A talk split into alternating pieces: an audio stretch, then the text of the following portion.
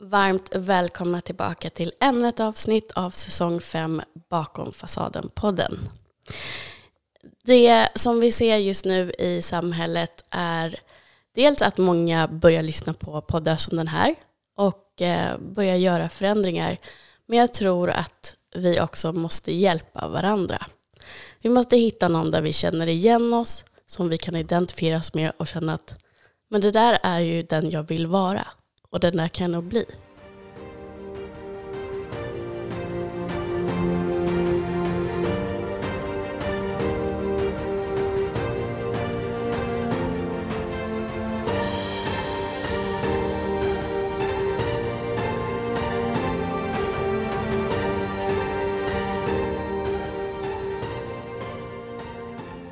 Jag har tidigare säsonger pratat med män som har vaknat upp, gjort förändringar och kommit till insikt.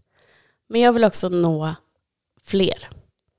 Så idag har jag bjudit in Max Bergander som ska hjälpa mig att prata om just män och sårbarhet. Varmt välkommen Max. Tack så mycket för att jag fick komma. Jättekul att bli tipsad om någon som verkligen jobbar med det de pratar om också.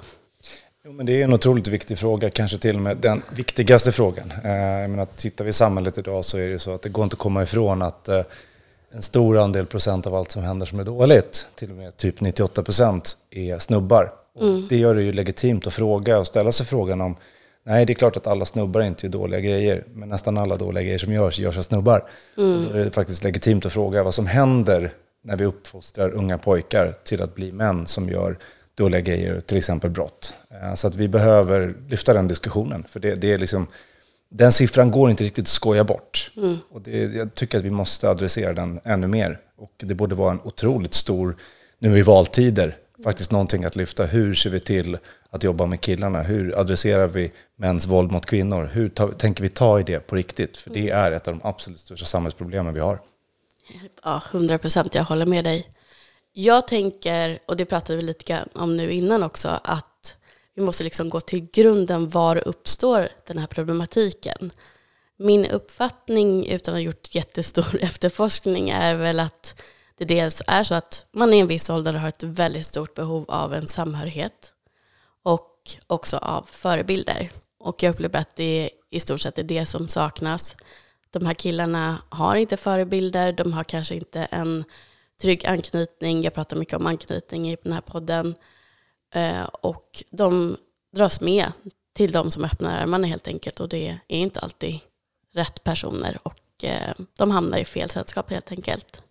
Så jag tror som sagt, de har förebilder, men det är fel förebilder. Ja. Eh, och jag tror att det är viktigt här också att man tänker på liksom när, man, när man uppfostrar unga pojkar. Alltså, vi har ju någon slags norm i samhället där, där det finns en stereotyp för hur en kvinna ska vara och hur en man ska vara. Mm. Där vi hela tiden lär unga pojkar att det här med känslor och att gråta och att vara nära sig själv är någonting som inte är kopplat till manlighet. När vi vet att det är någonting som är väldigt kopplat till människor, vilket vi är allihopa. Mm. Men om man hela tiden lär unga pojkar att, att liksom trycka undan tårar och bita ihop och borsta av det, känn inte efter, det är bara äh, ta nästa då lär vi dem också att inte känna. Och det, det är lite som att trycka ner en, en sån här fotboll under vattenytan. Att ju längre och längre, längre du trycker ner den här, ju starkare kommer den poppa upp över ytan. Mm. Vi borde istället lära pojkar och unga män att det är okej okay att känna, att det är okej okay att visa känslor, det är okej okay att vara sig själv och uppmärksamma det. För nu är det lite, så här, lite raljant så att de, om en yngre tjej ramlar så så åh lilla gumman, åh borstar av, vilket vi inte heller ska göra för övrigt. Mm, mm. Men, medan ens kille så här, upp och stå här, ta bilnycklarna, ut och backa med släp. Det, är liksom, det, det går inte. Vi, vi lär dem i så tidig ålder att, att det är inte är okej. Mm. Och det är den typen av förebild unga pojkar och unga tjejer, oavsett vad du identifierar som, behöver. Du behöver bli bemött som människa och bli sedd för den du är. För vi är ju olika med olika egenskaper, vilket också betyder att vi kan liksom inte sätta folk inom i ramar. Utan vi måste se vad behöver den här individen för att må bra. Och då måste vi låta människor känna och vara den de är. För att annars får vi någonting annat. Annars får vi det här, om vi bygger upp en liksom machokultur där snubbar ska vara på ett speciellt sätt. Ja, men vilken förebild tittar de efter då? Ja, men då, då blir det den här, kanske nu lite raljant igen, coola killen i centrum som har dragit in de här pengarna på kanske lite halv, knasiga grejer. Eh, då blir det den typen av förebild, för då blir det någon slags machoideal som man ska leva efter. Och jag tror att man behöver börja i mycket, mycket tidigare ålder, redan liksom på förskolan. Så här, hur, hur, möter vi killar? Låter vi killarna springa ut på, på gården först bara för att de är lite röriga i rummet, eller lär vi dem vänta? Pratar vi med killar om känslor? Pratar vi, låter dem uttrycka sig? Trycker vi verkligen på det? Mm. Jag tror inte att vi gör det, inte tillräckligt i alla fall. Nej, jag tror helt enkelt att vuxna inte vet själva hur de ska förhålla sig till känslor. Jag pratade i ett tidigare avsnitt den här säsongen med eh, en kille som berättade att han efter att ha blivit nykter från ett missbruk hade lärt sig att det finns inte bara två känslor. Bara det. Och jag kan känna igen det själv att även om vi har lättare för att få, inom citationstecken, gråta som kvinnor och som flickor, så upplever jag ändå att det är många som har väldigt mycket obehag förknippat med det när någon annan gråter och därför säger nej men gråt inte, ingen fara. Istället för att bara hålla om den personen eller det barnet. Och det är ingen stor grej, du är ledsen, du kan få bara släppa ut det så försvinner det lika fort som det kommer. Att det blir så laddat med så kallade obehagliga känslor som innebär smärta, att det inte bara är så här, ja men det är en del av livet, precis som att du skrattar när du är glad, så får du gråta när du är ledsen. Att det bara blir så himla onaturligt fast egentligen är det mest naturliga som vi har. Ja, men alltså, känslor kan ju vara jobbiga, för det är ju jobbigt att vara ledsen. Ja. Alltså, det, det, är ju det, men, men det är bara för att det är jobbigt betyder inte att det är farligt. Exakt. Men jag tror att då behöver vi också prata om det och faktiskt visa att, och låta människor vara ledsna. Och ja, det kanske är så här, det kan vara obehagligt för att man inte riktigt vet hur man ska göra. Men det är ingen som sagt att, man, att du ska veta hur du ska göra. Du kan bara finnas där och låta personen gråta eller låta personen skratta för den delen också. Mm. Jag tror att det handlar mycket mer om att bara liksom finnas nära. Men just det här med känslor, att det kan bli så... Det, det, folk är så obekväma i det. Det tror jag att det, oh, det där är en jättediskussion var det kommer ifrån. Jag tror att vi, vi måste träna på att prata om känslor. Mm. Att det inte är något farligt, att det inte är något dåligt att visa dem. Och det är, att det, inte, det är inte farligt att gråta, utan att det är, en, precis som du säger, en vanlig del av livet. Att det hör till som du säger, man skrattar när man är glad och man kan gråta när man är ledsen. Mm. Det finns en anledning att den där klumpen man sväljer ner med tårar gör ont. Det är för att man inte ska göra det. Mm. Ja, det är så sant. så, så grej som man inte tänker på men är så himla självklar när du säger det. Hur har det varit för dig just med känslor och uppväxt om man tittar lite bakåt? Ja, men så, jag är uppväxt med två och har fortfarande någon kvar i livet, tack gud. Eh, två fantastiska föräldrar som lärde mig just det där med att det är okej okay att skratta när man är glad och det är okej okay att gråta när man är ledsen och framförallt är det okej okay att vara sig själv. Eh, det ska dock sägas att det var kanske inte den enklaste grejen att, att hantera i till exempel skola och som ungdom. För, för det jag fick ju lära mig att det var okej att vara sig själv och den jag var var absolut inte den här typiska machokillen. Jag lekte med tjejer och klättrade i klätterställningar och spelade tvärflöjt. Det är inte skitcoolt att vara snubbe och spela tvärflöjt, så kan jag säga. Eh, I alla fall då. Jag hoppas att den lundar nu, även om jag inte tror det, tyvärr. Mm. Så det blev ju liksom att skolan, det blev en kamp någonstans att försöka passa in i den här rollen när man bara själv inte, inte ville. Och jag såg hur många människor runt omkring mig som också sökte de här rollerna. Eh, och växa upp sådär att liksom inte känna sig cool nog, tuff nog, snygg nog och framförallt inte kille nog. Det, det var jäkligt, jäkligt jobbigt. Eh, och det blev inte bättre sen när jag spelade fotboll och spelade på rätt hög nivå och kliva in i den världen där det varit en väldigt tydlig liksom, macho-ideal där man ska bita ihop och knappt visa känslor och det är liksom bra, och det hyllas.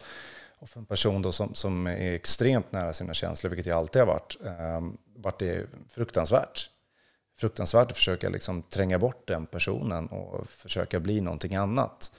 Eh, och till slut så kom jag till, till en punkt att jag var så trött på att jag orkade inte vara annorlunda. Jag orkade inte vara den som man skrattade lite åt för att jag var som jag var. Liksom, Max han är lite konstig, så där. Äh, låt han vara liksom. Mm. Eh, och då kliva in och, och liksom försöka ta en roll med någonting man inte är, eller ens i närheten av, då blir det ofta fel. Mm. Eh, för när man ska spela någonting, då spelar man ofta över. Och att jag då som i mitt sökande att, att liksom inte vara annorlunda och bara passa in, spela den här rollen som machokille, det blir jävligt fel. Och på den vägen så, så har jag sårat mig själv och sårat massa andra människor. För att det, det, i den jakten så, så, krävs det också att man, man står upp för sig själv och trycker ner andra. Det var liksom en del av spelet. Så att, eh, det var extremt svårt. Eh, och jag hade önskat jättemycket att det här var frågor som man överhuvudtaget pratade om. Eh, för jag har inget minne under min ungdom att man överhuvudtaget pratade om manlighet eller känslor eller sårbarhet. Eh, när man gjorde det så var det att man inte skulle bete sig som en liten kärring eller en liten flicka. Eh, och det är just det som är problemet, att allting som blev förknippat med dåligt var ofta kopplat till stereotypiskt kvinnligt eller homosexuella. Vilket också innebar att det är klart att det händer någonting med människors kvinnosyn, människosyn, när allting som är dåligt förknippas med kvinnor. Mm. Det är klart att det händer någonting med de här pojkarnas syn och även med, med våran. Så att jag hade önskat att den här frågan var, var aktuell då, eller att man åtminstone pratade om det. Så att det, det är bra att vi gör det nu. Ja, bättre sent än aldrig. Men eh, du säger att du sårade dig själv, du sårade andra. När känner du att du ändå började förändra det? Alltså, det man ska ha med sig här är att det var ju alltid två sidor. Mm. Jag har mina fantastiska föräldrar och massa fina vuxna personer runt omkring mig. Som jag liksom, där var jag en person, där var jag liksom max, den som jag ville vara. Men så fort man klev in i en annan kontext som, som, som fotbollsspelare eller i den liksom matchavärlden så tog man på sig en annan kostym. Mm. För man ska inte heller underskatta vad som händer med ens grundläggande värderingar i en kontext man jättegärna vill vara en del av. Där man har vuxna förebilder som faktiskt premierade beteenden som är direkt skadliga. Mm. och det säger jag inte att tränare stod och applåderade det. Men de gjorde heller inte, inte så mycket åt det. Och det är också som att faktiskt godkänna det. Absolut. Um, det, är liksom, det kan låta lite så klichéartat, men, det mycket handlar när jag kom in på journalistlinjen och fick möta en helt annan värld där, där den typen av ideal var, var helt ointressanta. Där var det handlade mer om liksom hur man kunde måla en text med ord och få liksom läsaren att känna det man skrev och vilka värderingar man hade och vad man stod för politiskt. Så här, vem var man som person? Hur ville man uppfattas? Mm. Det var för mig som att kliva in i en helt ny värld där, där liksom andra saker var viktiga. Det var också på den skolan jag träffade min, min dotters mamma. Eh, min dotter nu som är 12 år, Matilde. Eh, och det kan verkligen låta kliché, men, men när Matilde kom så var det väldigt mycket som ställdes på sin spets i, i mig som människa. Eh, och jag vet väldigt tidigt att jag ställer mig själv frågan, alltså, skulle jag vilja att Matilde träffade en person som i sin liksom, jakt på att passa in och, och, och vilja vara något den inte är, sårar människor och sårar henne. Och det var inte skithäftigt att känna känslan att jag skulle aldrig vilja att Matilda hade träffat mig. Jag hade aldrig velat att den här dottern, den här fantastiska flickan som jag älskar mer än allt på jorden och vill skydda mot precis allting. Jag skulle aldrig velat att hon hade träffat mig. Och där någonstans kände jag att men, det här funkar inte längre. Jag kan inte stå bakom det här. Och från den dagen så började jag liksom säga ifrån i omklädningsrum, säga ifrån i sammanhang. Och jag var skitnervös för att jag var ju rädd att så här, fan, visst jag är vuxen nu, men Gud vet att vuxna också kan vara rätt elaka mot varandra. Att det skulle bli likadant som på skolan med de elaka orden och sånt där som ropades efter och sådär. Men, men det hade jag absolut inte behövt för att jag kände rätt snabbt när jag tog upp det här, så här fan, måste vi skämta om det här? Måste vi prata om det på det här sättet? Kan vi inte? Fan, finns det någon som tycker att det här är kul? Hur många grabbar det var som bara sänkte axlarna och var så här, fan det här är skitjobbigt. Jag har mått mm. skitdåligt och det, det är inte kul. Så att det kändes att bara med att lyfta samtalet så kom vi någonstans. Och det var där någonstans jag insåg att fan, här finns ett arbete att göra. Och det var därför jag till slut eh, faktiskt la ner min egen fotbollskarriär och ägnade tid åt att åka runt och föreläsa och prata på skolor och prata i killgrupper och prata på företag om vikten av att, att jobba med att tillåta vara sig själv och vad det faktiskt ger. Och det var också på den linjen jag då hamnade hos min eh, nuvarande arbetsgivare, AIK Fotboll, som värdegrundsansvarig för att få jobba med de här frågorna professionellt i en eh, elitmiljö. Eh, för att jag är helt övertygad om att vi kan få ännu fler duktiga människor, oavsett yrke, yrkesroll eller fotbollsspelare, you name it, att bli bra utan att förstöra dem i huvudet. Jag tror till och med att om vi skapar trygga miljöer där människor tillåts vara den de är, där tillåts prata, tillåts uttrycka sig och känna sig trygga och respekterade, så kommer vi dessutom bli ännu bättre. Så att, att jobba med de här frågorna är inte att göra någonting istället för att sälja bilar, spela fotboll eller spela hockey. Det är något som skapar förutsättningar för att göra mycket, mycket bättre. Mm. Så att det, det, det, det varit en resa och är fortfarande. För att det, men det är inte så att man liksom, ah, bara tappade allting. Det är fortfarande kontexter där man behöver tänka sig för och liksom inte hamna tillbaka i gamla hjulspår. Men det är just det att väcka, väcka tankarna, liksom så de här fröna. Så att det det är en resa och det är en konstant, eh, en konstant utveckling i sig själv. Men, men det går inte att komma ifrån att Matildes in, intåg i mitt liv var en total game changer. Mm. Vad fint. Och jättefint arbete som du gör också. För jag vet ju också att tittar man rent forskningsmässigt på just psykisk ohälsa så är mannen väldigt överrepresenterad. Och jag kan tänka att det är självklart att det är just för att det trycks ner känslor, det är inte accepterat att visa dem. Um, och jag tycker att det är väldigt fint och bra också att det är just fler och fler idrottsmän inom elitidrotten som börjar prata offentligt om att de har mått skit och vad det beror på. Och jag tycker mig ändå skönja att det börjar ändras lite grann, även om det kanske inte går så fort. Så känns det som att det börjar bli mer och mer okej att faktiskt prata om hur man mår. Du som har lite mer direkt insyn, hur upplever du det? Absolut, alltså det, det, som sagt, jag, jag, spelar på hög nivå själv och de här frågorna togs det inte ens i, snarare tvärtom. Liksom. Jag minns när jag kom upp i ett, ett seniorlag som 15-16-åring på, på rätt hög nivå, utan att nämna några namn, hur liksom, miljön var i det omklädningsrummet. Det, det, det är, liksom, det är användningsbart idag. Mm. Mm. och idag pratar vi om det som sagt. Det kommer ut allt ifrån om inkilningskultur inom hockeyn till hur vi pratar om psykisk ohälsa. Liksom, de där orden fanns inte. Alltså, det, var, det var en del av kulturen, det var ingenting vi ens pratade om. Det, det existerade inte, det var en del av det. Eh, men idag som du säger så pratar man jättemycket om det. Och jag vet ju bara i de sammanhangen, sammanhangen jag är i, i min egen klubb och förening så är ju det en central punkt i allting vi gör. Hur vi utbildar både ledare och, och vuxna och föräldrar och spelare i hur man tar hand om sig själv och hur viktigt det är att be om hjälp och vilka liksom varningssignaler vi ska gå efter. Men också hur andra sporter jobbar med frågan. Jag menar, tar man hockeyn då som kanske mm. Eh, har legat ännu lite längre bak just när det kommer till machokultur. Jag, jag tror att det var 2017 eller 2018, jag har inte exakt årtal, där, där 14 av 12 eh, elitseriecoacher sa att machokultur inte existerar inom hockeyn. Riktigt citat. Det är lite oroväckande. Eh, att gå därifrån till att jag bara i år nu har fått jobba med fyra stycken elitserieklubbar och prata liksom känslor och män och gråta och sitta i ett omklädningsrum tillsammans med liksom proffsspelare som uttrycker sina liksom känslor och som ut, uttrycker liksom vad de har varit med om. Det här är någonting vi pratar om idag. Så från att det inte ens har existerat så är det här på många ställen, tyvärr inte på alla, faktiskt eh, saker som vi pratar öppet om. För jag tror, precis som du säger, forskning i all ära, men man behöver inte jobba på NASAs raketforskningsavdelning för att fatta att om vi har en miljö där människor känner sig trygga, känner sig respekterade, sedda, lyssnade på, respekterade för den de är, så kommer man också prestera bättre. Mm. Det går att koppla mående till prestation. Och det, jag tror att det är det som är nyckeln, för alla fattar ju att det är bra att prata om saker som får människor att må bra. Mm. Herregud. Mm. Men inom elitidrott och liksom high performance-yrken så tänker man att jo, men det är prestationen jag vill åt, det är prestationen. Jo, men en människa som mår bättre kommer också prestera bättre. Jag tror att det är den kopplingen som nu har liksom börjat landa. Så här, aha, om vi lägger träningstid på att prata om de här frågorna, eller vi lägger det arbetsmöte och pratar om det här och diskuterar och ser till, så kommer vi också få det att se bättre ut på sista raden. Ja, men då gör vi det. För någonstans så kommer vi alltid landa i, men de handlar om prestation. Mm. Ja, och då måste vi förstå att mående är kopplat till prestation. Och det är helt sjukt när man säger att man inte har fattat det tidigare, men det är väl skit att det har varit så tidigare, men det är jävligt bra att vi gör det nu då. Ja, jag tänker att det pratas mer och mer om stress och just hur, vad det gör med ens prestation. Mm. Det här med att tänka i prestationstermer och inte tänka efter när har jag mest energi, när är jag mest effektiv, mm. eh, vad behöver jag för att just vara mitt bästa jag. Mm.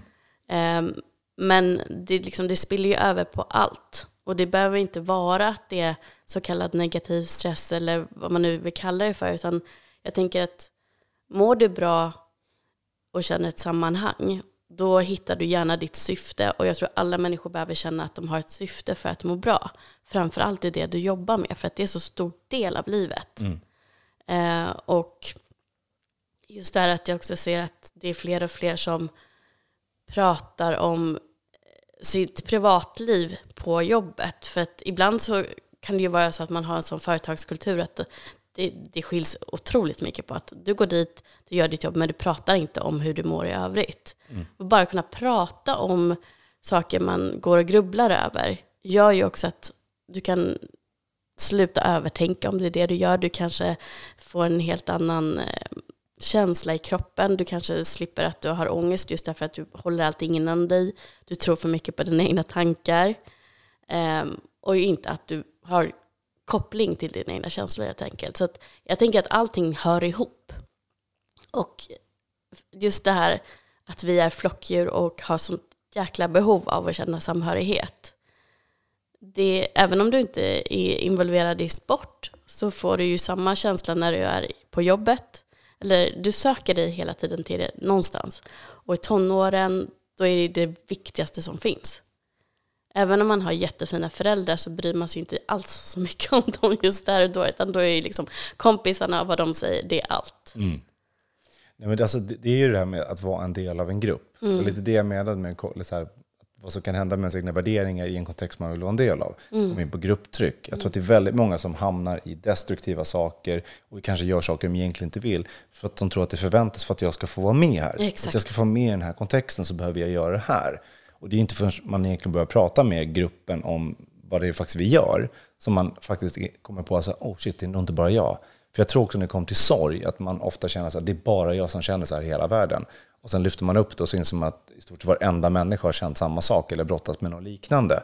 Men det är just för att vi måste ju våga lyfta upp det och prata om det. Mm.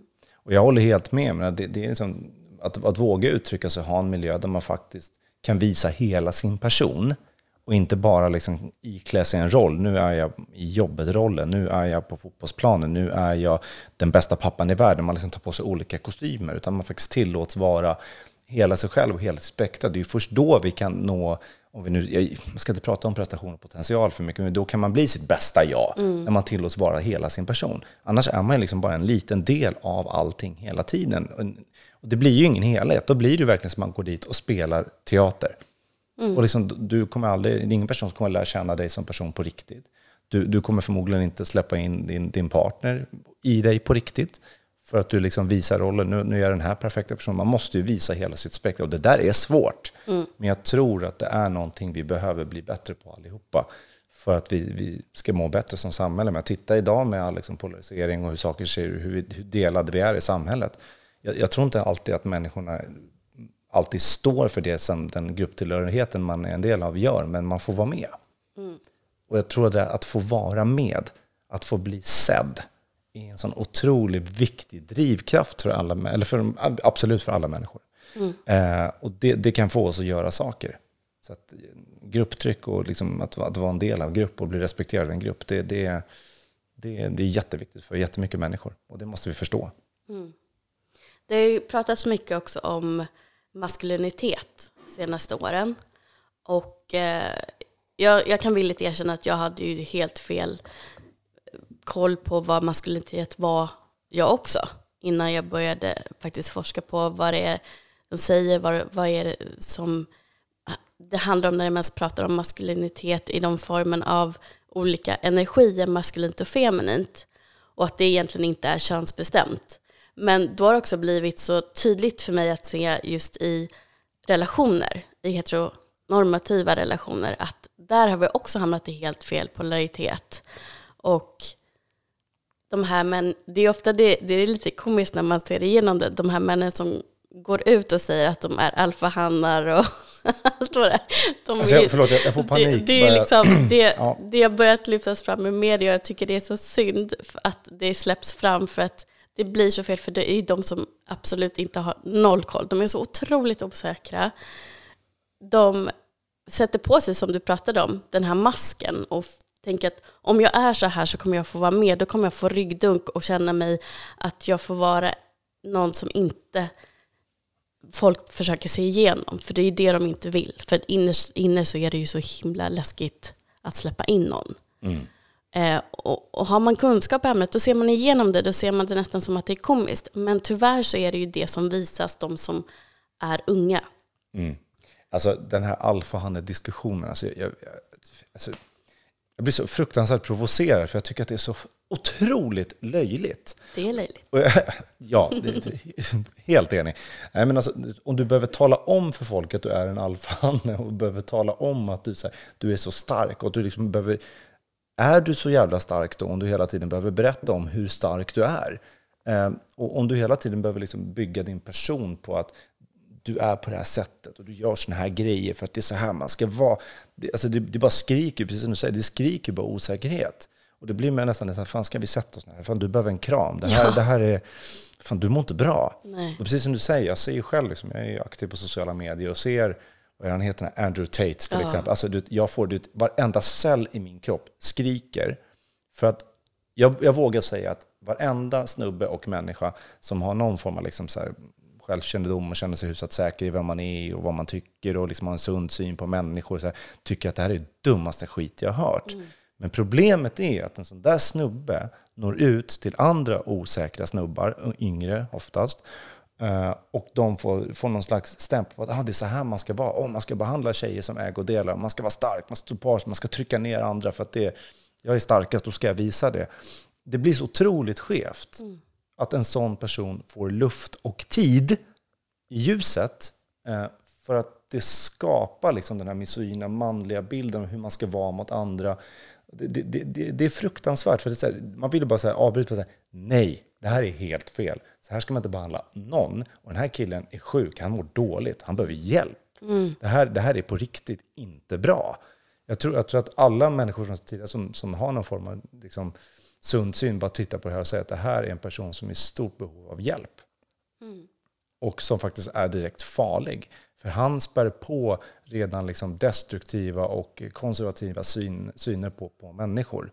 Den där typen av grejer måste vi ta bort. För att det är den där typen av beteenden och sägningar som har skapat stora delar av det destruktiva samhälle vi ser idag. Mm. Det där är liksom den typen av attityder som har skapat eh, att vi ser på varandra olika, att den är värd mer än den och, och så vidare. Det där är en absolut... Den här machokulturen är liksom för mig det är nästan det är en av de absolut viktigaste frågorna i samhället, kanske till och med det största samhällsproblemet vi har idag. Att vi liksom skapar människor med den typen av åsikter och den typen av sätt att vara. För det, den, den ligger till grund för så mycket. Men vi kommer aldrig komma till ett, till ett jämställt samhälle så länge vi uppfostrar snubbar att, att bli sådär. Mm. Och sen samtidigt så premieras ju det destruktiva med prestation och drivenhet som är maskulin energi även hos kvinnor. Ska man ta sig någonstans i karriären, då behöver man gå in i den energin. Mm. Och är inte det ens primära energi, då mår man skit av det. Mm. Och det som hände med mig personligen var att jag gick rakt in i en utmattning. Mm. För att jag agerade utifrån någonting som inte var jag, för att hela tiden prestera och vara duktig och få eh, beröm och liksom bekräftelse utifrån istället för att känna att jag var bra, att jag duger som jag är. Att lyssna inåt och hela den biten. Eh, och nu när jag har, nu var det åtta år sedan så att jag har jobbat på det sen dess, jag har lagt om livet och så vidare, men det har ju varit en resa bara att inse vad är egentligen jag och vad är någonting som jag har lagt till mig för att jag vill ha beröm från andra. Varför, varför vill jag bli sedd så desperat så att jag är någon jag inte är? Mm. Kan jag börja se mig själv istället? Och jag tänker att jag tror att alla som mår dåligt utgår på något sätt utifrån någonting som inte är de själva. Och det är där vi måste börja, som du också säger, det är någonting som jag också uttrycker mig. Jag tänker så här, vi är alla människor först och främst. Mm. Sen har vi olika kön och vi kan vara helt olika som individer. Eh, men just det att vi är skapta på olika sätt för att vi ska komplettera varandra. Vi ska vara ett lag som för relationen framåt. Mm. Och där behöver vi vara olika personer och olika eh, energier för att det ska bli rätt polaritet. Och det betyder inte att vi inte kan vara lika värda, det är bara att vi gör olika saker som kommer mer naturligt för oss. Mm. Och där tycker jag också att det har blivit så fel i hela jämställdhetsdebatten, alltså den debatten, för att det känns som att skulle det vara så att jag känner mig mer bekväm med att vara omhändertagande och kanske inte den som leder projektarbetet i familjen, då är det som att det finns många som uppfattar det som att, vadå, eh, skulle, menar du att du inte kan det här? Eller, ska, eller att, eh, ja men nu visar du männen att eh, du inte kan lika mycket. Det är klart jag kan. Men det är inte den rollen jag vill ta, för det kommer inte naturligt för mig som det kommer naturligt att vara omhändertagande. Så det blir liksom fel, för det handlar ju, jämställdhet handlar ju bara om att man är människa, oavsett vilket kön man har, att man är lika värd, för att vi är i grund och botten samma.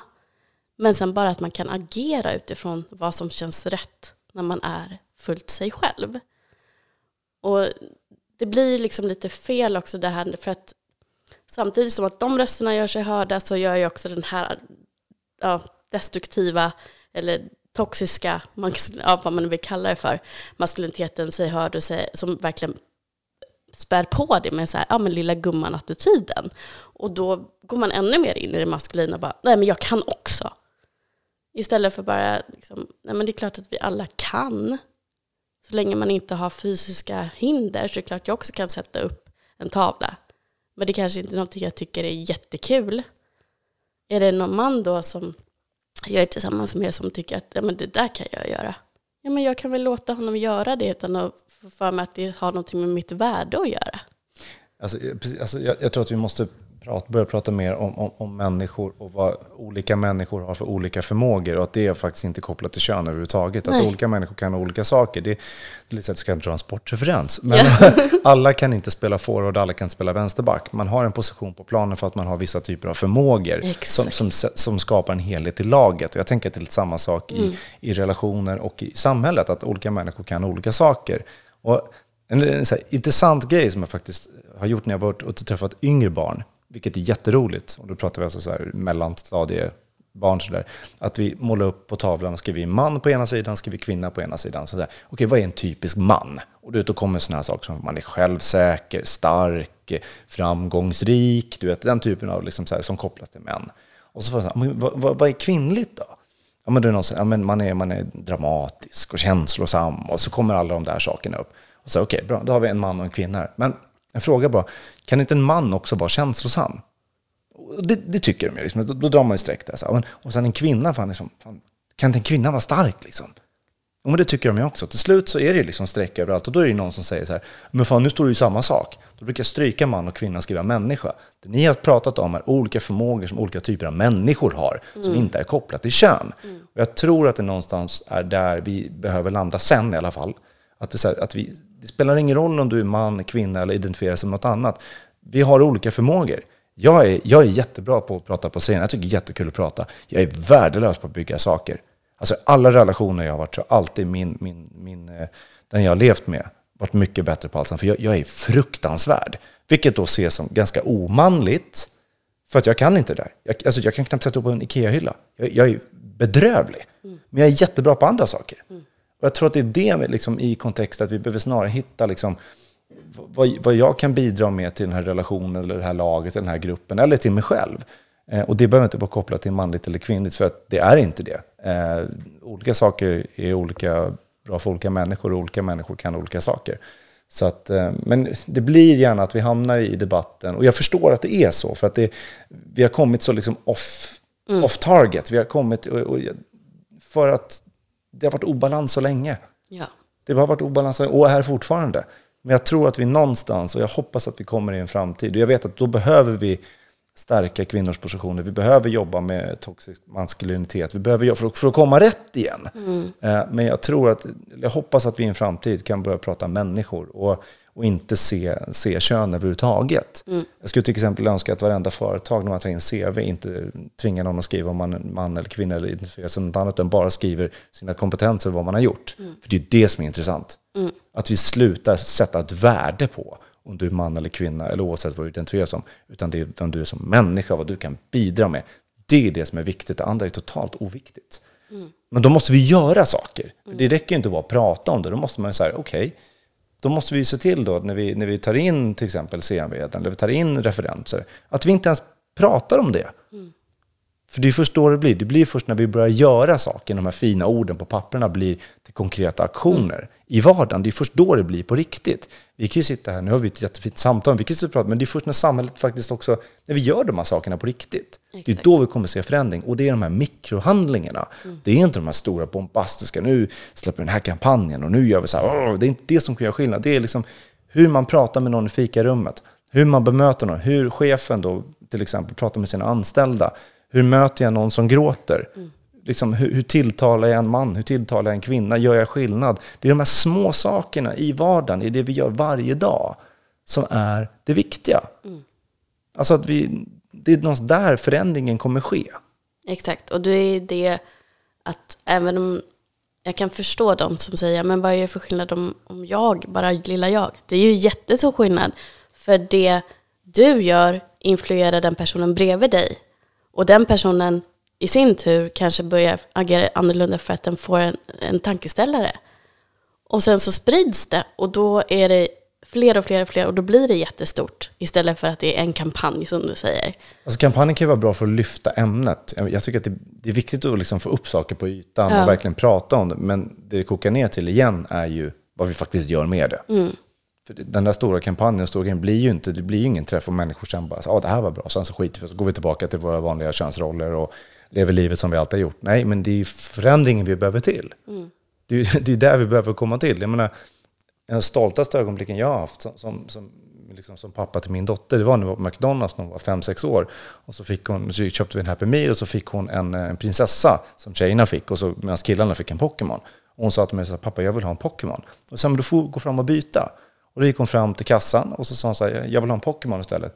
Jo men du är ju tjej så du fick tjejleksaken. Och min dotter säger så här, det finns inget som heter tjej och killleksaker, ge mig en Pokémon. Mm. Hon fick en Pokémon. Det är så, här, det är så, här, det är så här, wow, alltså, men det är det här, att vi behöver liksom prata med så här, varför pratar vi ens om saker? Så här, kan vi inte istället fråga människor så här, vad tycker du är roligt? Vad tycker du om? Ja. Inte lägga in liksom så för att du är det eller du är det. Utan ställa frågan, vad tycker du om? Vad tycker mm. du är viktigt? Så låta människan uttrycka vad, vad den tycker. Mm. Och ta bort alla de här eh, titlarna eller liksom etiketterna på saker. Mm. För ska vi vara sådana så är det ju faktiskt att skapa någonting, till exempel bygga någonting, kreativitet, mm. är feminin energi. Så de som säger att det är män som ska skapa och bygga, mm, ja, det är i sådana fall män som då tar, är i sin feminina energi. Och att driva på saker och, och liksom driva ett projekt framåt är maskulint. Så bara det kan ju också vara lite så här, hmm, vänta, jag trodde att det var tvärtom. Alltså jag, är inte alls, jag är inte alls insatt i det, exakt Nej. det du säger. Men det, det, är rätt kul när du säger mm. det. För, för, när jag sitter och lyssnar på det så är jag så här, fan vad märkligt. Alltså, mm. att, alltså, det där är så kopplat till vem personen är. Mm. Alltså det blir så knäppt bara i mitt huvud att, att ens skulle ja. vara kopplat. Och, alltså förstår du vad jag menar? Ja, men det är det jag menar, att vi har så fel titlar och etiketter på saker. Därför att vi utgår inte ifrån vad någon person tycker är kul, vad de är bra på. Utan vi har fått för oss att det här är manligt och det här är kvinnligt. Nu pratar jag i och för sig om lite äpplen och päron eftersom alla människor har både maskulin och feminin energi. Och man använder det växelvis beroende på vad man gör. Men i den läran som kommer ända från eh, Jung mm. så handlar det om att man har en primär energi som man mår bäst av att utgå ifrån.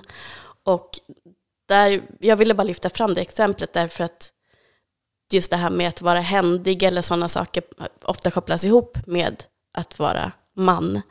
Eh, och jag kan säga att egentligen eh, det som är manligt är att vara, bara för att visa hur fint vi kompletterar varandra när man lever i sin sanning. Så här, en man kan vara beskyddande på så sätt att han ser till att sin familj mår bra. Eller sina vänner mår bra. Eh, och en kvinna är omhändertagande.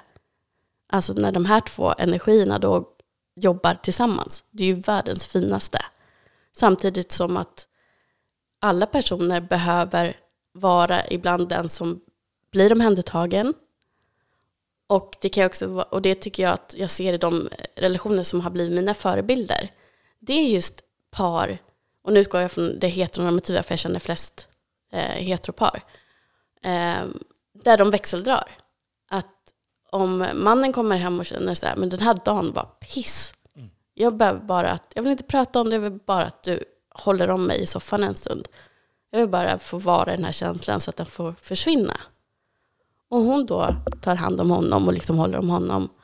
Eh, och kanske säger så här, vet du vad, jag fixar det här ikväll, jag fixar middagen. Eh, bara låt eh, du få, dig själv få pausa. Och sen kanske det är annorlunda i något annat redan samma kväll eller andra dag. Att man liksom växlar, man går in och ur de olika energierna. Och det är liksom man och kvinna i en sund relation som är människor. Så att jag tror också att precis, jag hoppas också att vi når någon gång till att man bara utgår från vem är du, vad tycker du är kul, som du säger. Att det är så här, du är människa precis som jag. Och att vi tar bort det här. För jag tror också att när det blir så mycket fel i just ledarskap, det är när man kopplar ihop det med synonymer som liksom egentligen inte är synonymer till ledarskap och bra ledarskap. Att man missar att det ska vara en coachande roll som lyfter fram individen. Vad är du bra på? Vad behöver du känna så här, att jag ser att du gör bra? Och vad behöver du mer stöttning med? Istället för att bara så här, ah, fixa det här. För jag ser ju också att många kvinnliga chefer anammar den approachen för de ser ingenting annat runt omkring sig. Istället för att de får utgå från mer vilka de är som personer. Det där är så jäkla intressant tycker jag. För jag tänker att det också har med liksom en norm och en liksom förbestämd roll hur man ska vara som chef. Mm. Att liksom du ska driva på, du ska peka med en stark hand och du ska vara... Alltså, jag skulle snarare vilja se att vi pratar om det som, som ledare och att vara ledare är att leda andra. Ja. Att, att som, som ledare så det är inte människorna jobbar inte för dig, du jobbar ju för dem. Ditt jobb som ledare, enligt mig i alla fall, är att ge dina, de som jobbar med dig, de bästa förutsättningarna att göra sitt jobb. Att, att som chef säga liksom så att du ska göra det här, det borde snarare vara så här, vad behöver du av mig för att kunna göra ditt jobb på så bra sätt som möjligt? Exakt. Vad behöver du? Och sen också grupp, jag menar, det, det är den här klyschan också, att man ska man ska behandla andra människor som man själv vill bli behandlad. Det stämmer ju inte. Du ska behandla människor på det sättet de behöver bli behandlade för att må bra. Mm. Och då handlar man så här, fan då måste man ju bygga en relation. Ja, då måste du bygga en relation. Du måste lära känna dem för att förstå. Mm. Och det är som man bygger, bygger ett lag. Att du måste liksom vara, vad behöver den här gruppen? För att det ska man också ha med sig att hur man leder den här gruppen kommer inte vara samma sätt som du leder den där gruppen. För vad som styr hur du ska leda är vilka individer som finns i gruppen och vad de mår bra av och vad de tycker är kul och vad de inspireras av. Och hur du tillsammans med dem jobbar, det kommer ju skilja sig. Ja, och då måste vi lära känna varandra. Vi måste fråga hur någon mår och lyssna på svaret. Vi måste lära känna vad den här personen är i olika, olika lägen. Det är först då det blir på riktigt.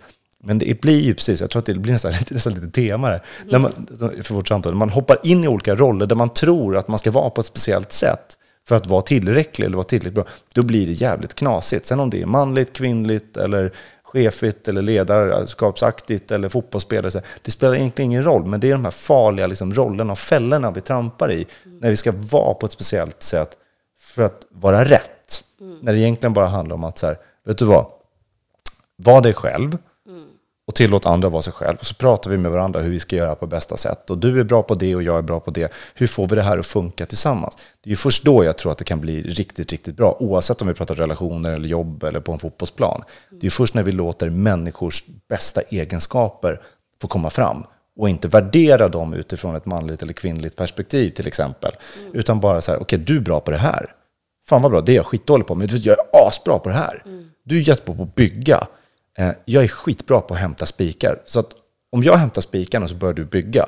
Då har vi, då har vi gjort det. Sen, sen vem som gör vad, det är helt ointressant. Mm. För någonstans måste det ju vara slutmålet som är, som är, ja, som är målet. Och, och, då ska inte det där spela någon roll.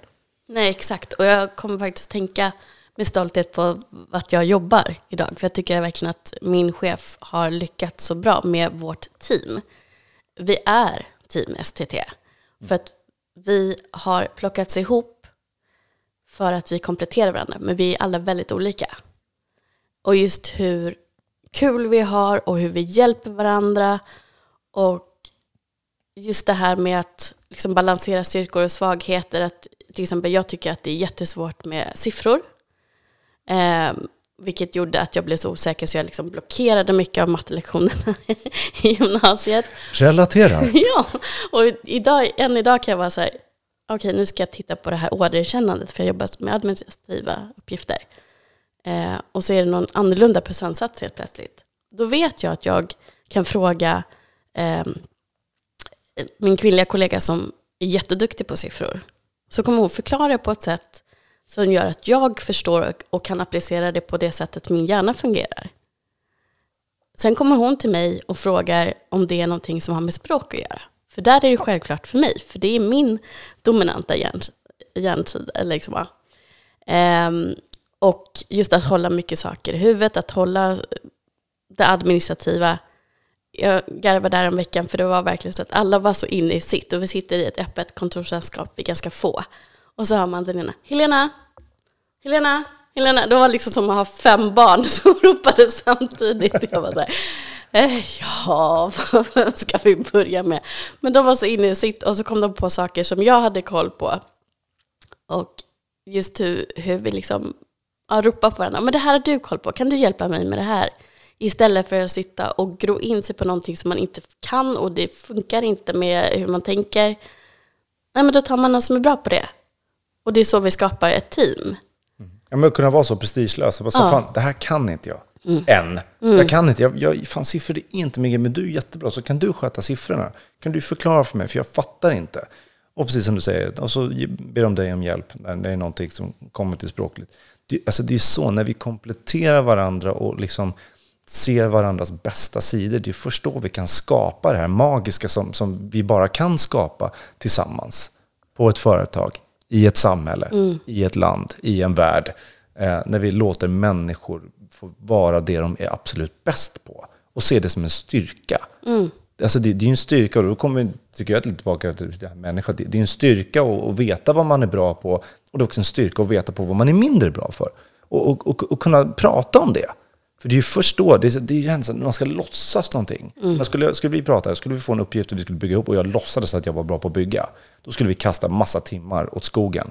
Och sen skulle jag knäcka ihop och tycka att det var jättejobbigt för att jag inte kunde och du skulle tycka det var skitkonstigt varför jag inte svarade från början. och så, det, tänk om vi bara kan ha en öppen miljö där människor, oavsett vem man är, kan prata om så här, fan, det här känner jag, det här tycker jag är viktigt, det här kan jag, det här kan jag inte. Mm. Och så gör vi allihopa det, så kommer vi ganska snabbt hitta liksom så här, aha, men fan, då gör vi så här. Så du kanske inte ska vara där, du, du ska vara där borta. Mm. Det är ofta nu, nu handlar det lite på företag här, men det, mm. jag tror att det ofta är så när man väljer ledare så tar man tar en säljorganisation. Så är den som är bäst på att sälja som blir chef. Mm. Men, men, den, kanske, den är jätteduktig på att sälja. Det kanske är den här personen som kommer sist till jobbet, som är sämst på att sälja, men som får alla andra att må bra, tycka att det är kul att vara där. Där har du ju chefen, eller ja, ledaren, exakt. som kan se till att alla andra gör sitt bästa. Mm. Men jag tror att vi måste våga liksom prata och inte vara rädda för att liksom prata om våra tillkortakommanden, prata om våra styrkor och svagheter. Men då bygger det också på att man har gått in i sig själv och börjat fråga sig själv. Vad är jag bra på och vad är jag mindre bra på? Och framförallt vad tycker jag är kul och vad tycker jag inte är kul? Eh, och sluta göra saker som vi inte tycker är kul. Ja, gud ja. Det är jätte, jätteviktigt. Och sen att också se det som att det inte ska vara så laddat heller. Men alla är dåliga på någonting. Det är ingen stor grej. Nej. det är liksom, ja, nej, jag kommer aldrig förstå matte på samma sätt men jag bryr mig inte. För det är ingen stor sak för mig. Nej, men då får jag fråga någon annan om hjälp med det bara. Det är väl därför det finns olika yrken. Ja. men istället för att sätta sig i en situation där du känner dig dålig hela tiden. Nej, men välj yrke efterfrån eh, vad kommer lätt för mig? Vad kommer naturligt? För då blir det också mindre jobb och mer kul. Mm jag tror att det där, om vi skulle sluta göra saker vi tycker är tråkigt och börja fokusera på vad vi faktiskt tycker är kul och lära känna oss själva, så tror jag att det är väldigt många som skulle, skulle byta, byta yrke, kanske hoppa ur relationer och träffa människor som de tycker är roliga och mår bra av. Och det går åt alla håll. Mm. Eh, det är lite så här, Magnus Bettner, liksom så här, mår du dåligt, skilj dig och byt jobb. Nej men skämt mm. åsido, men det är liksom så här, fan, jag tror att vi, vi måste vara ärliga med vad vi, vad vi tycker och känner. Det är först då det kan bli bra. Men då är det ju igen, då måste vi bryta mot de här liksom förväntade rollerna, att man ska vara på ett speciellt sätt. Utan så försöka komma bort från dem och ställa frågan, okej okay, vad tycker jag? Bort med rollen, men vad tycker jag? Vad tycker människan? Vad tycker du som människa? Vad tycker du om? Och så utgår vi från det. Och sen vad det är, om det är maskulint eller feminint eller om det är manligt, kvinnligt, så det är helt orelevant. Det är bara så, okej, okay, det är dina förmågor, det du tycker är kul som människa. Ja, mm. ja då är det väl det vi ska utgå ifrån. Mm. Exakt, och jag såg också på Gifta vid första ögonkastet UK i hela kvällen igår. Och där var det också så roligt att det var också en kvinna, om vi går tillbaka till lite grann hur vi felaktigt tror vad manligt och kvinnligt är. Um, och de här experterna då som um, pratar med dem ifrågasätter henne så här, okej okay, du säger att han är inte tillräckligt man för dig. Men vad är manlighet för dig? Och så räknade hon upp saker och sa fast det där är ju toxisk maskulinitet. Det där är ju det osunda i det. Att egentligen vara man, det är att vara så som han är. Och jag tycker det var så bra att de tog med det. Jag önskar att svensk tv tar med mer sånt. För att jag tror att det når fram på ett helt annat sätt när man också ser det i det kontextet med relations-tv att nej, nej, nej, du, vi letar efter fel saker. Vi har fått helt maskulinitet och feminitet om bakfoten. Och börjar ifrågasätta liksom att nej, nej, när vi är snälla mot varandra, när vi behandlar varandra bra och mår bra själva, då är vi vårt bästa jag. Ja, vi behöver omdefiniera vad de här orden betyder. Ja. Framförallt när vi kommer till manlighet eh, så, så behöver vi verkligen omdefiniera vad manlighet är. För att många gånger när vi pratar manligt idag så är det precis det, är det här toxica. Det är, liksom, det starkt, trycka ner, ta, ta för sig och liksom, äga rummet och liksom gå in med en självklarhet i allting. Det är långt ifrån alla män som är så och det är långt ifrån alla människor som, eller män som, som gör så, som ens är så. Men det är de som syns. Exakt, vi måste börja prata om men att manlighet är så mycket mer. Det handlar om att vara, precis som du säger, omhändertagande, eh, ta, ta hand om människor runt omkring sig, våga visa känslor, våga prata, våga ta för sig, absolut. Vara driftig, men också kunna gråta. Alltså, så här, mm. det, det, handlar ju, det, det, går inte att säga så här. Och det, det är det här jag blir lite sådär, och jag kan inte all forskning bakom det, ska jag erkänna, men när vi pratar om liksom manligt och kvinnligt, så här, det, olika människor är ju olika saker. Mm. Och med olika förmågor. Sen vad det är, det är, tycker jag är helt ointressant. Eh, så att jag tror att vi måste börja prata om att fan, du vill lära känna en människa. Vilka kvaliteter vill du att en människa har? Mm. Sen vad det är, mm. det måste ju vara helt sekundärt. Mm. Det är vad vi söker. Och sen är det precis som du säger, hon söker den här toxiska Det är för att hon har liksom också fått... Det, det, det, det är ett samhällsproblem. Ja. Det är samma sak som att jämställdhetsfrågan är ju inte, det är inte en kvinnofråga, det är en människofråga. Alla mår ju bättre av jämställdhet. Ja. Alla kommer må bättre, samhället kommer må bättre, människor kommer må bättre. Så att vi måste ju prata om snarare så här, vilka sunda värden vill vi ha? För att jag tycker att vi ofta hamnar i så här, de osunda, det här är förväntningen. Ja, men vad vill vi ha då? Vi, vi, vi äger ju faktiskt det. Mm. Men ska vi ändra den, då måste vi börja prata om det i tidig ålder. Vi måste börja prata om hur viktigt det är att människor får vara sig själva, och etc. etc. Det, det är så vi måste börja omdefiniera för vi, Jag tror att vi ganska många av oss är överens om att det här vill vi inte ha. Mm. Okej, okay, men då måste vi börja ändra, för det kommer inte ändra sig självt. Mm.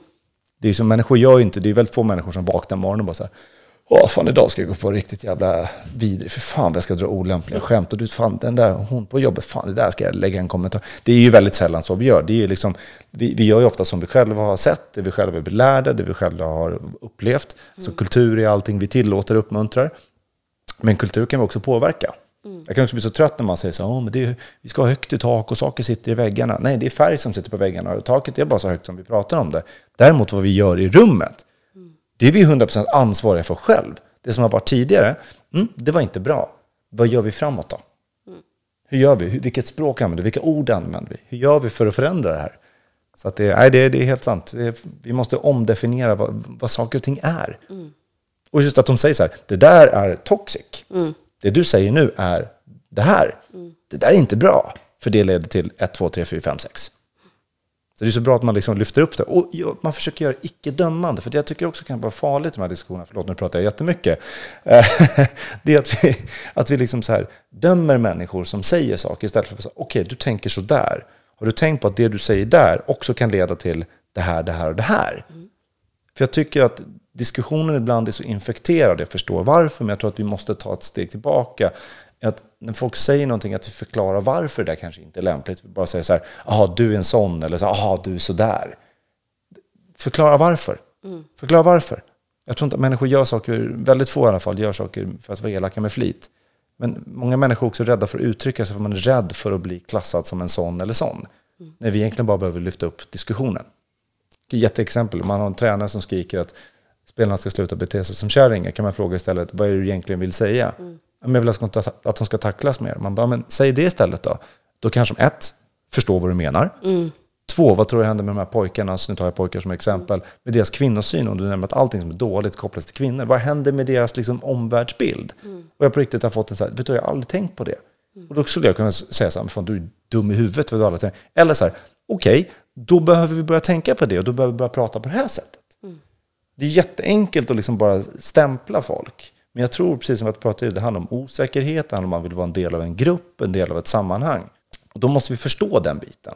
Mm. Men det går också att om du har lärt dig så går det också att lära dig någonting, annat. Mm. Men om jag börjar tala om för dig att du är dum i huvudet, men du, lyssna på mig, det kommer inte funka. Nej, jag skulle aldrig lyssna. Nej, nej, precis, man skulle aldrig göra det. Men istället bara, okej, okay, du tänker sådär.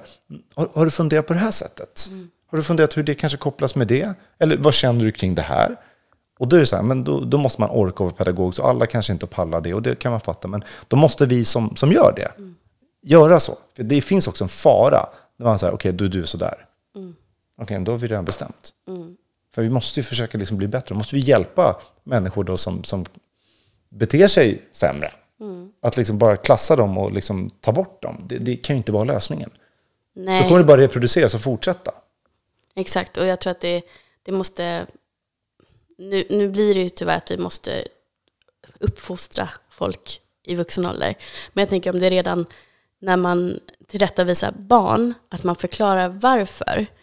Um, jag tänker till exempel, jag eh, hade min systerdotter en dag och vi var iväg på Junibacken eh, och sen så skulle vi gå en promenad för att hon skulle få sova lite. Mm. Och då satte hon ner foten så att hon skulle kunna göra illa sig. Och då sa jag bara så här, nej men ta upp foten därifrån. Jag höjde inte rösten eller så, men hon blev ändå ledsen för att hon upplevde att jag kritiserade henne. Och hon förstod inte. Och då tänker jag att nu, där, var, där har jag läst någonstans förmodligen, eh, att om jag förklarar vad det var som hände, att jag satte mig ner och sa, vet du vad gumman, jag sa att du skulle ha bort foten där så att du inte gör illa dig. Du har inte gjort någonting fel, jag är inte arg på dig, jag vill bara inte att du gör dig illa. Då förklarar jag också varför jag sa till henne. Mm. Även om jag hade höjt rösten, för det händer ju om det är kanske större oro att hon springer ut i trafiken eller så, då skulle jag säkert höjt rösten, för jag blir mer rädd helt enkelt. Förmodligen, ja. ja. Men ändå det här att man bara förklarar för barnet, varför vill jag inte att du gör så här? Nej, men då förstår de att det handlar inte om att jag är fel. Eller att någon är besviken, att jag har gjort fel behöver inte vara så stor grej. För det handlar inte om mitt värde. Nej. Utan det var någon handling som blev fel. Nu vet jag att det är fel och jag förstår varför. Mm. Alltså, det, det, det, här är också, det här som du säger tycker jag är jäkla intressant. För det, det är ju så, alltså, när vi börjar förklara för människor, det blir lite så sak och person. Mm. Så att, så här, jag tycker om dig som människa, men det här du gjorde var inte bra. Mm. Jag tror att vi måste, för att komma dit så måste vi ju prata om människor och värde och liksom lära känna varandra så att vi bygger en relation. Så att om jag säger till dig eller du säger till mig så förstår jag att så här, okej, okay, du tycker fortfarande om mig som människa, men, men det här jag gjorde, det gillade du inte. Mm. Att vi kan liksom ibland separera aktioner från, från personen. För att, man ska inte selektera i bra och dåligt, men en bra människa kan göra en dålig grej. Exakt. Och då ska vi prata om den dåliga grejen. Mm. Men, så att jag tror att det är jätteviktigt, precis som du säger, som du gjorde det, att man förklarar sig. Jag vill att du tar upp foten för att du kan göra illa, för att jag bryr mig om dig. Mm. Du har inte gjort något fel, det var bara att jag såg att det här kunde ha blivit knasigt. Mm. Och det där behöver vi med vuxna också. Exakt. Det är det jag menar. Och jag tänker också på hela den här saken med sårbarhet. Mm. Eh, att av någon anledning, för jag förstår faktiskt inte riktigt om jag tänker riktigt på det, så har ju vi då kopplat ihop att gråta som är någonting svagt. När i själva verket så gråter ju därför att du har styrkan att visa din känsla. Så att egentligen så är det också så himla skevt.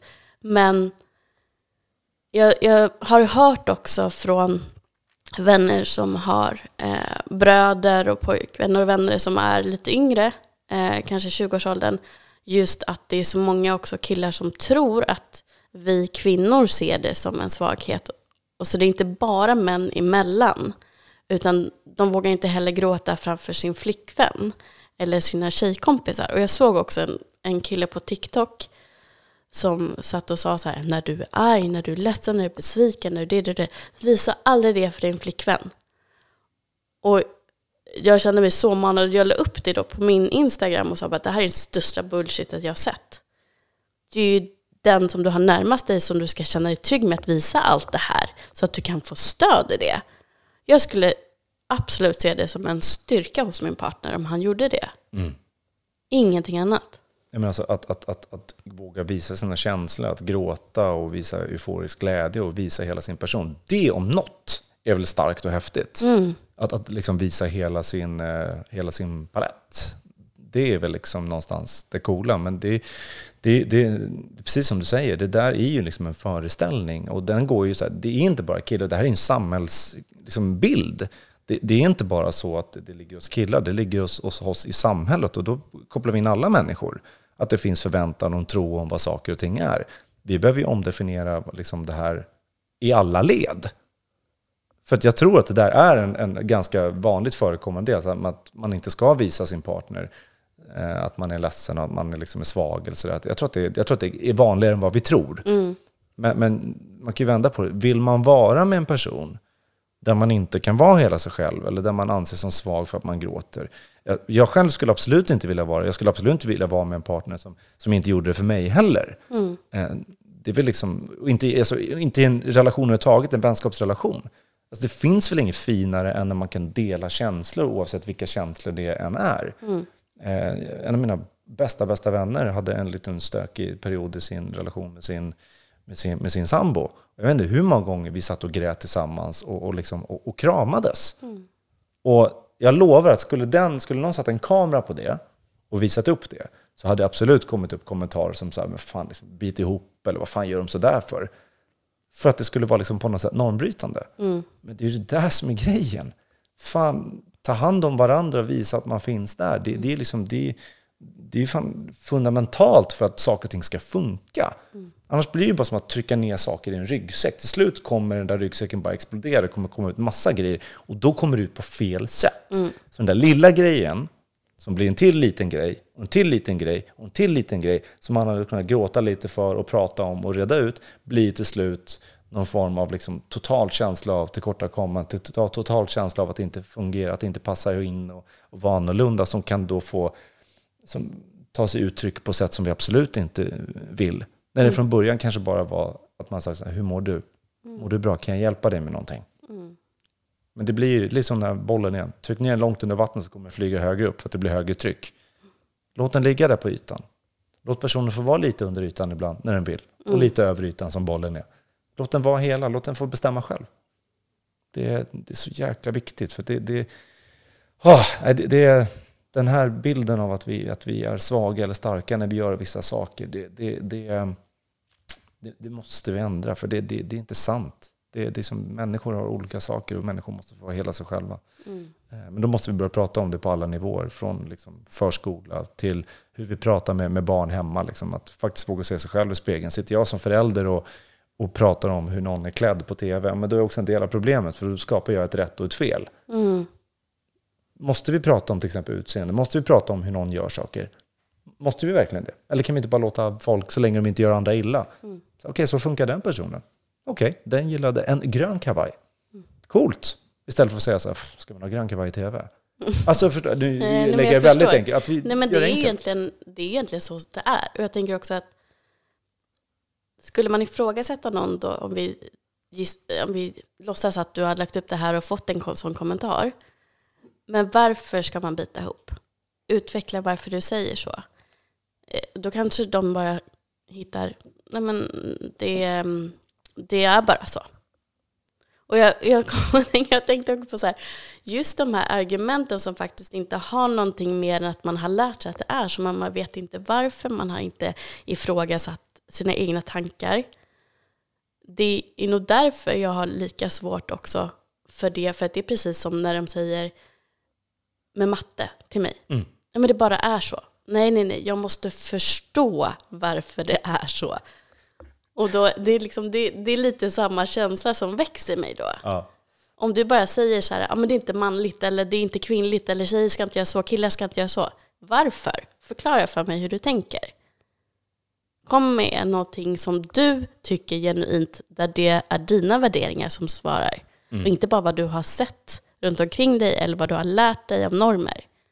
Skit i normer, jag hatar normer, alltså, de gör bara skada. Och det, jag trodde att det finns någon som har ett bra argument där. Nej, men det är för att det inte finns något. Nej, exakt. Och det är det jag vill komma fram till också, att liksom börja ifrågasätta dina tankar, börja lyssna, börja känna efter. Var människa. Nej, men alltså, det där, är ju, det där blir liksom kulturellt. Och när jag säger kulturellt så menar jag inte etnisk härkomst, utan kulturellt liksom vad, vad vi har i rummet, hur vi, hur vi uppfostrar varandra, hur vi mm. pratar med varandra. Att, att ofta är det så här, men så här reagerar vi på det här. Okej, okay, då är det så. Eller så frågar du, okej, okay, men varför gör vi det? Det är ju först då, liksom, om du inte kan argumentera för varför du tycker någonting, så kan det ju faktiskt finnas läge att faktiskt tänka till. Så här, okay, tycker jag så här, eller är det bara någonting jag har lärt mig att det är så? Mm. Och där kan vi inte blunda för att vad som händer tidigt i livet kommer påverka. Om man har en förälder eller en vuxen förebild som säger att pannkakor är äckligt, Mm. Så kommer du ha den inställningen, nu det här på en otroligt låg nivå här, men att, då kommer du liksom ha med dig det. Ja. Men det är först när du testat pannkakor och tänker så här, fan det här kanske inte är så jävla illa. Mm. Men jag tror att vi, precis som du säger många gånger, hamnar säga, jo men det bara är så. Men varför är det så? Mm. Och så här, hade jag ställt den frågan, det är väldigt få som hade kunnat, precis som du säger, svara på det. För att de vet inte varför. De har bara fått te till sig att det är så. Men varför tycker du så här? Varför tycker du att det här är ett problem med sallad? Varför tycker du det här? Då är det väldigt få som faktiskt har svar. Mm. Och då, där behöver vi ju säga, okej, okay, då måste vi börja jobba. Det är där vi måste börja. Okej, okay, du tycker så här, men varför tycker du så? Nej, för jag tror, jag, jag är så, så, jag håller med dig så mycket att det, det är som argumenten stannar. Mm. Om eh, du avslutningsvis skulle få ändå ge topp tre på vad du tycker faktiskt att det är allra viktigast att göra just när det handlar om värdegrund och ifrågasätta sina egna tankar. Hur når vi liksom fram, eller hur kommer vi framåt i de här frågorna? Oj, topp tre blir skitsvårt. Kan, kan jag få sätta ett resonemang? absolut. Förlåt. Nej, men självklart. Nej, men jag, jag, tror att det är viktigt att vi, när vi börjar prata värdegrund, så, så måste vi förstå att det är väldigt enkelt att liksom sätta massa fina ord på papper. Fina ord på papper betyder ingenting så länge vi inte har definierat vad de betyder i, i verkligheten. Eh, det är jätteenkelt att skriva respekt och empati och allt det här och sen bara säga fan vi ska göra respekt och empati. Det vi inte förstår är att vi är olika människor, olika individer som har varit med om olika saker. Vi kommer innebära att de här orden betyder olika saker för olika människor. Mm. Det vi behöver ta fram är ju så här, okay, vad betyder det här hos oss? Mm. När vi pratar om respekt på, på arbetsplatsen eller i, i klassrummet eller i relationen, vad är det vi menar då? Och då kan det vara sådana enkla saker som att så här, vi säger hej när vi kommer och hej då när vi går. Vi tar undan disken och vi pratar med varandra i samtalston och vi använder inte ord som kan kränka någon. Och när vi gör fel så säger vi förlåt. Mm. Att bryta ner de här fina orden till konkreta aktioner i vardagen, det är vad som är att jobba med värderingar. Det är inte att sätta upp det fina dokumentet på, på, på väggen som man möter. Så här, oh, här ska alla känna sig välkomna. Okej, okay, då måste hur gör vi det då? Mm. Varför är det viktigt? Vad gör vi om folk inte känner? Det är liksom det första om du ska jobba med, med värdegrund på ditt företag eller i din skolklass eller i ditt fotbollslag eller vad det är. Bryt ner vad det faktiskt menar så att alla i gruppen har samma definition. För det är först då vi kommer dit. Så det, det är det första med, med, med att jobba med, med värderingar. Eh, sen att faktiskt ha samtal med människor. Liksom så här, hur mår du idag? Lyssna på svaret. Vad tycker du är viktigt?